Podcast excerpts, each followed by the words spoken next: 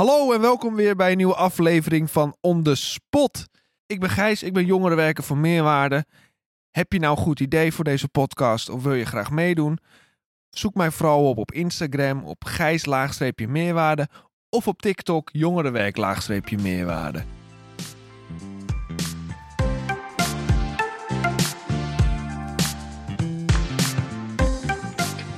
En in deze aflevering gaan we het hebben over GATI. En GATI is eigenlijk een Positive Mental Health Check-up. Dat klopt toch, Simone? Dat klopt zeker, Gijs. En jij bent mijn collega jongerenwerker. Kan je er in het kort wat meer over vertellen? Zeker, wat wil je weten? Nou, hoe ben je op het idee gekomen? Hoe is het tot stand gekomen eigenlijk? Waarom zijn we dit als jongerenwerk gaan doen?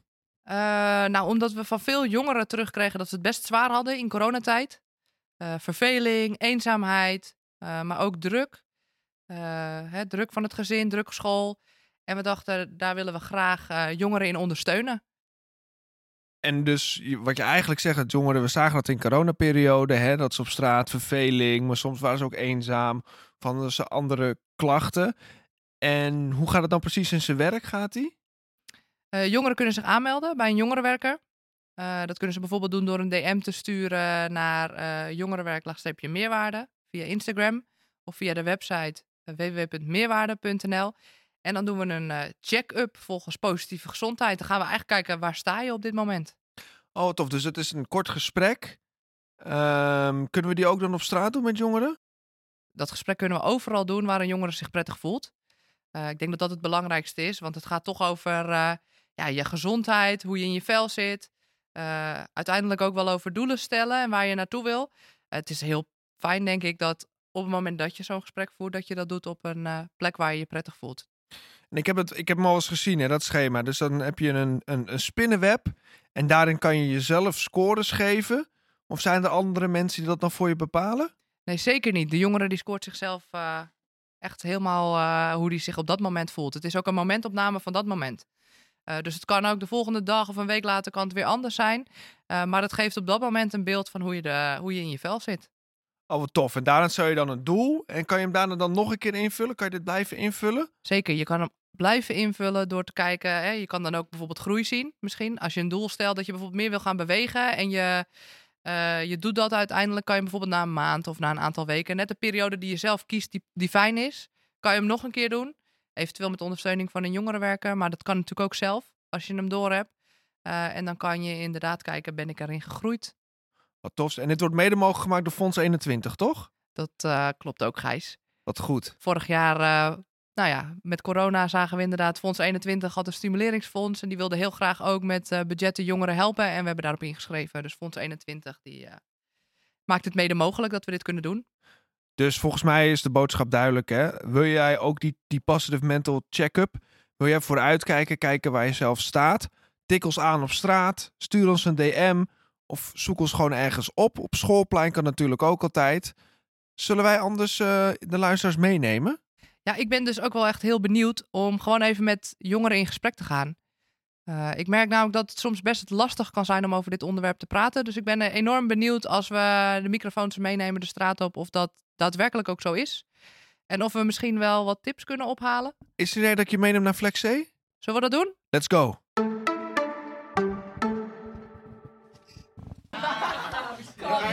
dat komt in kort. Dan ga ik even de vraag stellen. En dan ga ik dus vraag stellen. En dat is: heerst er een taboe om te praten over mentaal welzijn? Ja. Ja. Het, het verschilt per groep naar mijn idee.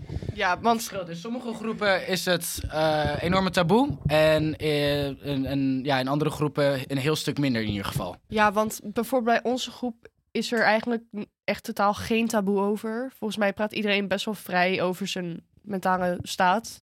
Nee, maar kijk, het kan ook zijn problemen veroorzaken. Want ja, je helpt elkaar wel, maar som, soms, als je zeg maar met ons heb je een hele grote groep wel. En dan gaat iedereen.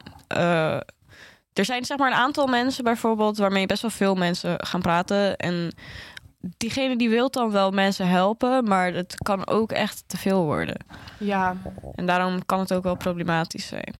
Ja, nee, maar het is ook wel bij ons groep, zeg maar, persoonlijk, is het zo van, er wordt zoveel gepraat over mentale staat van mensen, zeg maar. En heel veel mensen maken er ook grapjes over. Terwijl, Ja, maar dat is, dat is een copingmechanisme. Ja, dat weet ik. Maar wat dan ook wel weer het probleem is van sommige mensen horen dan zoveel van andere mensen hun mentale staat af, wat zeg maar dan niet goed gaat of zo, dan nemen ze het over. Eh, Ik persoonlijk. Of ze gaan bijvoorbeeld eh, het gevoel krijgen dat hun mentale problemen niet goed genoeg zijn om er hulp voor te gaan zoeken. Ik vind eh, dat het überhaupt. eh, ik, ik heb best wel veel soort van vriendengroepen gehad. En daarbij is het over het algemeen echt een taboe. Niemand praat over. en Iedereen doet stoer over, over allemaal dingen. Van wat ik allemaal heb gezien, is het allemaal. eh, je moet maar stoer zijn, want eh, het leven is hard, weet je wel. Ja, of Dus- dan ben je, ben je gewoon zielig als je. Ja, dan nou ja, ben dan je ben je gewoon een bitch of Dan zo. ben je dat soort aandacht shit. aan het ja, zoeken. Precies, dat soort dingen. Toxicity, hele hoop toxicity. Maar ja, eh, er zijn gelukkig mensen waarbij je het wel kan uiten. Maar dan, Dat, dan eh, ik denk ook wel dan dat je zeg maar een goede vriendengroep daarbij moet hebben. Ja, maar dat is sowieso. Dat is sowieso. Ja, ik denk dat er ook wel een verschil zit in het taboe qua je geslacht. Ik denk dat het onder, eh, in ieder geval de mensen die vrouw geboren zijn, dat het een stuk minder een taboe is dan onder Ja, mensen die ja. man geboren zijn. Omdat die toch ehm, deels meekrijgen van oké, eh, je gevoelens die zijn eigenlijk minder waard. up, Ja, precies. man up. Precies. you, you, you be strong. Ooga booga. En hoe kan je dat taboe dan eh, doorbreken? Want jullie zijn heel open onder elkaar, zeggen jullie. Soms misschien iets te open, hoor ik ook. Ja. Maar aan de andere kant, inderdaad, in een mannencultuur, wat ik dan hoor, is dat heel erg minder. Hoe kan je daar die balans in vinden? Ehm, ik, ik denk dat het ook een beetje ligt per persoon. Maar ik persoonlijk eh, probeer mensen zoveel mogelijk uit te leggen ehm, wat bepaalde mentale stoornissen zijn die niet heel bekend zijn. Bijvoorbeeld, ehm, veel mensen weten van eh, OCD en depressie en anxiety, maar niet veel mensen weten van bijvoorbeeld narcissisme of bipolar disorder of DID. En dan probeer ik die ook, ehm, dan probeer ik meer aandacht daaraan te brengen. Want te meer mensen meer weten van de dingen, des te meer taboe verbroken wordt. Want het is al een minder groot taboe in mijn ervaring om over depressie te praten. Nou, en daarnaast is het ook zo dat om dat taboe t- eh, te doorbreken, kan dat, ehm, nou, dat. Het kan helpen om er grap over te maken, om het op die manier wel bespreekbaar te maken. Het, het is een koopmechanisme en op die manier kan je het ook bespreekbaar maken. waar je ook naar kan kijken is natuurlijk... niet iedereen heeft één vriendengroep. Je hebt natuurlijk ook ander soort vrienden. Maar wat je wel meestal krijgt is... oké, bij deze vriendengroep kan ik het wel doen zo... en bij de andere groene- vriendengroep moet ik stoer gaan doen... of anders moeten gaan gedragen. Niet iedereen Nou, heeft ook... niet, maar Maar het wordt wel zo, zeg Ja. maar, zo voel je je wel. Maar ik, ja, ja. je wilt erbij horen. Maar niet iedereen heeft ook wel een vriendengroep. Want voor ons is het heel erg, zeg maar, normaal gezien dat we zoveel vrienden hebben. Maar heel veel mensen die hebben Nou, echt misschien, niet voor mij misschien drie, vier eh, vrienden hooguit. En dan heb je er misschien eentje waarmee je heel soms kan praten. Maar dan weet je eigenlijk ook niet echt eh, wat je moet zeggen. Diegene weet dan weer niet hoe je erop moet reageren. Want weet je, dat, dat, dat is ook lastig als je eigenlijk niemand hebt om erover te praten. Het moet op scholen, vind ik ook, wat beter uitgelegd worden. Want je krijgt er gewoon geen les over. Ja. Er is tegenwoordig nu wel les over seksualiteit, maar... Toen ik nog zeg maar, Zelfs op- dat amper. amper. Maar toen ik op de middelbare school zat nog, toen was dat dus echt totaal niks. Je kreeg niks te horen, niks. Het mocht ook niet verpraat worden. En ik vind dat dat ook een heel stuk normaler moet worden.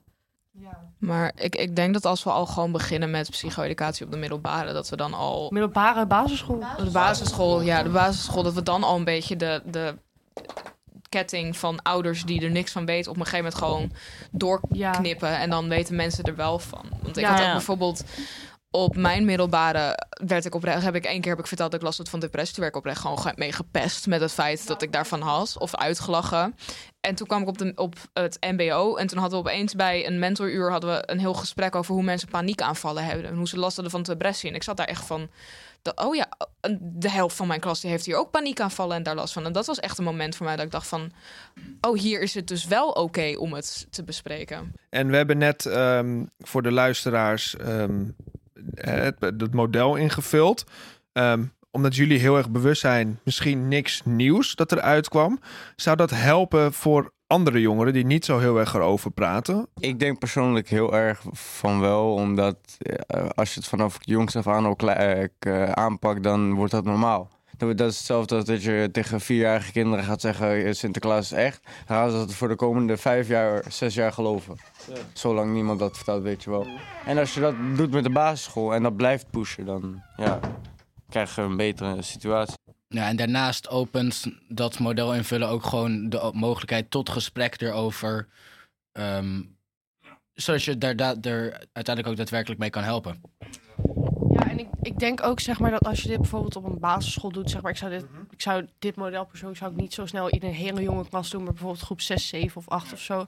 Als je dat vanaf daar doet, ja, of het versimpelt, zeg maar, als je dan zeg maar dat doet en je zegt gewoon van, hey, je hoeft er niet over te praten, maar als je een bepaald iets hebt wat bijvoorbeeld heel en je wilt erover praten, dan mag dat gewoon. En dan zeg maar, en dan bijvoorbeeld van, je mag je hoeft niet je antwoorden te laten zien aan een andere klas, maar wil je gewoon ze vergelijken of zo, dan misschien kan je ook iemand vinden die hetzelfde meemaakt als jou, wat je eigenlijk helemaal niet wist.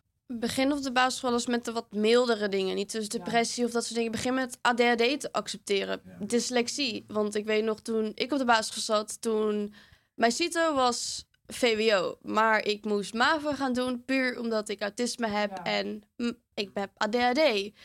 Dus ik werd zwaar onder mijn niveau geplaatst. En toen was het opeens op de middelbare wel oké. En dat geeft ook een heel raar beeld in van als ze op deze lichte dingen al zo reageren, hoe gaan ze op de heftigere dingen reageren? Nee, doet het nog. Op de rechtere, zeg maar, echt heftigere dingen, zeg maar, te accepteren. Op de basisschool, zeg maar, ik zat in groep 6, 7, 8 en ik had, ehm, wij hadden ehm combinatieklassen, dus je zat altijd drie jaar in dezelfde klas, behalve dan groep 1, 2. Maar waardoor ehm, mijn leraar die daar zat, zeg maar, hij had geen kennis van ADD, hoe die ermee om moest gaan, of autisme of wat dan ook. Maar ik zat drie jaar met hem opgescheept. En mijn moeder heeft heel vaak uitgeprobeerd te leggen van... ik heb ADD en autisme, ik kan niet me lang concentreren, ik heb hulp nodig. En hij was zo van, boeit me niet, je doet het maar. Waardoor ik drie jaar lang ruzie met hem heb gehad. En ehm, toen ik op de middelbare kwam, kwam ik erachter dat een stuk meer mensen zeg maar, de kennis van hadden daar. Dus ik vind ook inderdaad dat basisschool dat ze daar ook al echt over moeten beginnen. En dat ze ook de docenten moeten inlichten van hoe ze ermee om moeten gaan. Ja, en daarnaast is het ook zo dat als je die kinderen gewoon vanaf op tijd eh, leert hoe ADHD, autisme, dyslexie werkt eh, en hoe je ermee kan dealen, dan zou dat ook ehm, nou, depressie in een latere sta- stadium van je leven kunnen voorkomen. Maar ik denk dat je dan niet alleen over dat soort dingen moet doen. Maar de trauma's, kijk, er zou een begin liggen inderdaad. Maar de trauma's van de meeste mensen kunnen heel uniek zijn, toch? Er, kan heel veel dingen zijn wat er verschilt. Maar überhaupt waar we mee moeten beginnen is trauma aankaarten vanaf een jonge jeugd. Al kijken of er al iets mis is gebeurd. En dat eigenlijk in een bepaalde manier systematisch monitoren. Waardoor we per kind gewoon een systeem hebben van dit weten we, dit, zo gaat het. En dat is alleen maar in de welfare van, van, van de mens. En dat is wat heel veel, wat, dat gaat waarschijnlijk niet gebeuren, want eh, heel deze, deze ja, eh, het is een rare tijd nu. Met, vooral met regelingen, vooral met de regering. Ze gaan nu zich echt niet focussen op dat soort dingen. Dat weet ik wel, dat gaat nog wel even duren. Maar we moeten wel aangekaart worden. Dat is wel echt belangrijk gewoon. Kunnen we afsluitend nu nog een, wel een positieve boodschap ook? Is er nog iets positiefs waarmee wij dit gesprek kunnen afsluiten? Ja, ik vind, ik vind persoonlijk dat ik wel eh shout-outs mag geven naar twee docenten uit mijn middelbare school. Eh, scheikunde, scheikunde en mijn eh, geschiedenis- en IT-docent. Hij was daar voor me. We, hebben zoveel plannen gemaakt. Er is natuurlijk nooit wat van gekomen. Maar hij was er in ieder geval wel. En hij gaf door. En net als Gail. was ook... She really cared about me. And I really noticed that. And that really yeah.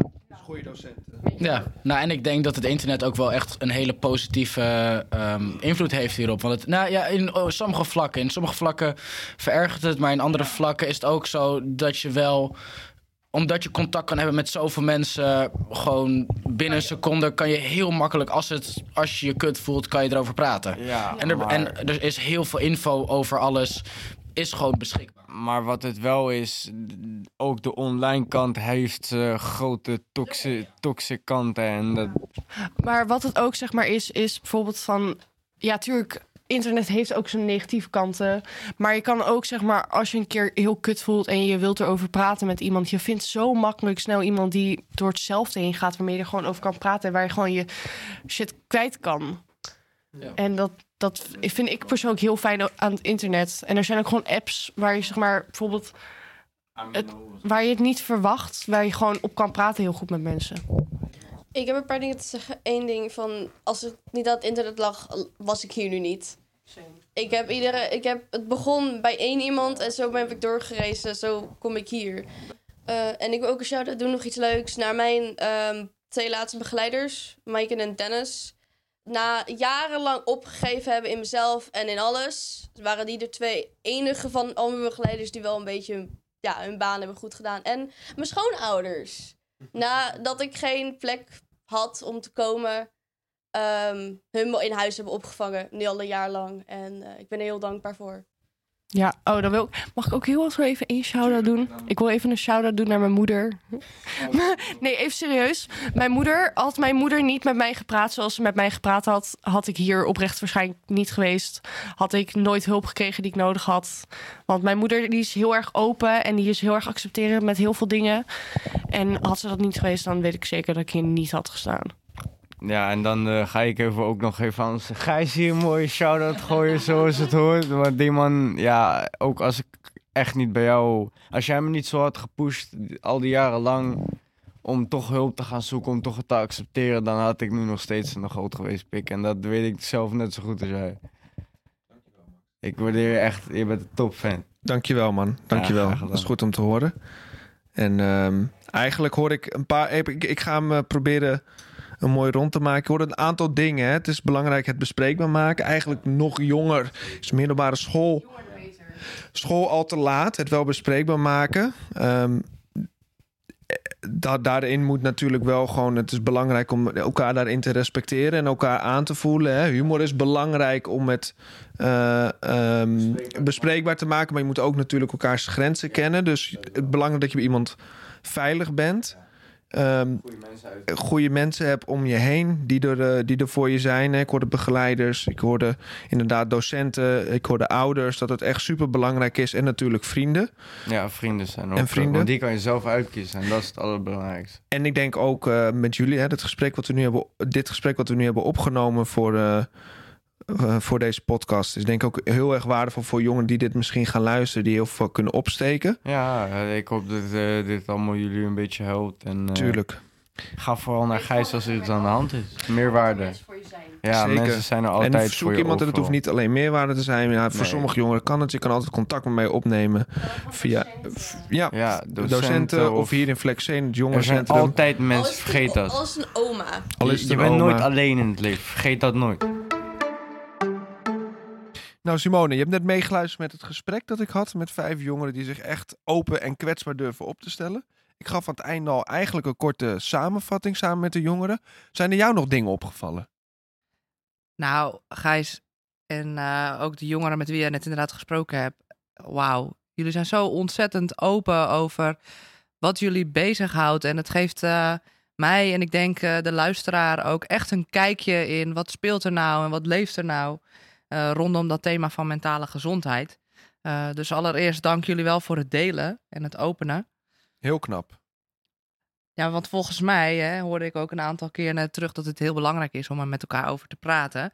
Dus als je mij dan inderdaad vraagt, wat is je opgevallen, denk ik, hé, hey, we moeten met elkaar inderdaad veel meer kijken naar hoe we al in een heel vroeg stadium, en dat hoeft helemaal niet zwaar, hè, want dat hoorde ik volgens mij ook terugkomen, laat het luchtig zijn, maar laten we in ieder geval met elkaar het normaal maken om eh, over je mentale gezondheid te praten.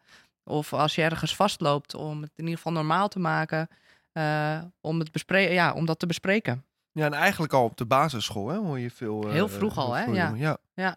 Ja, en wat ik zelf ook wel mooi vond, Gijs, is... ehm je vroeg natuurlijk op een gegeven moment ook... omdat we voorafgaand aan het gesprek met een aantal jongeren... eh, het positieve gezondheidsmodel hebben ingevuld. Ja. Eh, nou, en volgens mij gaven de jongeren allemaal terug... dat het helpt om een gesprek te voeren. En dat geeft eh, mij wel goede moed dat wij op de goede weg bezig zijn. Om, nou, in ieder geval, als ik kijk naar hoe wij het aanpakken... ehm, dat jongeren daar in ieder geval voor openstaan. Ja, dat is denk ik het mooiste. Hè? Wel Een aantal jongeren die zelf dan ervaring hadden met sombere gedachten of ehm, ehm, tegen dingen zijn aangelopen. Hè? Ehm, en dit model, en ze gaven ook aan, ja, dit model kan echt wel helpen, vooral voor jongeren die dat echt nog moeilijk vinden. eh, of niet weten waar het vandaan komt, of niet iemand hebben, eh, of nou niet iemand hebben, maar niet durf, nog durven te praten met iemand in hun omgeving die misschien belangrijk voor ze is. En dit kan denk ik wel een heel mooi, mooi model zijn om ook, maar ook voor mij, ik heb hem zelf ook ingevuld, om die keer die spiegel voor te houden en jezelf een keer goed is te bevragen op bepaalde leefgebieden. Ja, het geeft gewoon een heel mooi eh, overzicht. En eh, het is wat jij zegt, hè, sommige jongeren hebben niet iemand eh, die, met wie ze dat kunnen bespreken. En dan kunnen ze dat gelukkig, nou in dit geval met ons. Maar ik hoorde ook een heleboel jongeren. Hè, er gingen shout-outs naar eh, docenten, naar ouders, naar opa's, oma's. Maar ook eentje voor jou, Gijs. Ja, dat was ook eh, mooi, hè? Dat je dat dan terugkrijgt. Dat je, ehm, ehm, als je iemand helpt en iemand vooruit helpt, hè, dat je dat dan. Eh, was ik ook blij voor als ik dat dan terugkreeg in de, in de podcast. Ja, super mooi toch? Hartstikke dankbaar. Zeker. Eh, en ik denk ook dat dat eh, een van de belangrijkste dingen is die ik uit de podcast haal. Als ik luister naar het gesprek wat zij met elkaar hebben gehad en waar wij bij mochten zijn. Ehm, dan hoor ik eigenlijk vooral dat het belangrijk is dat we naar elkaar omkijken. Dat er iemand is die je ziet. Dat er iemand is die zegt: hé, hey, jij mag er zijn. En datgene wat je voelt, dat mag er ook zijn. Ik denk dat dit een heel mooi einde is voor, de, voor deze podcast. Eh, mag ik jou bedanken voor je allereerste keer in Onderspot?